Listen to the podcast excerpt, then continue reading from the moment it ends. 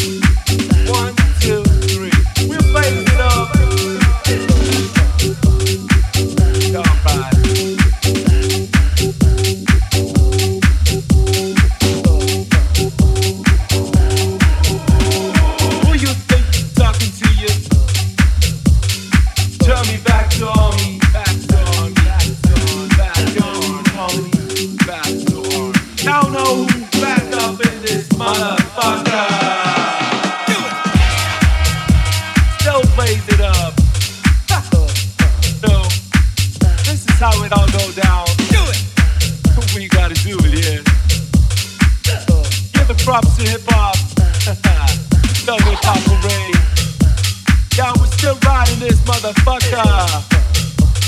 Y'all with it? Get ready. Come on, come on, come on.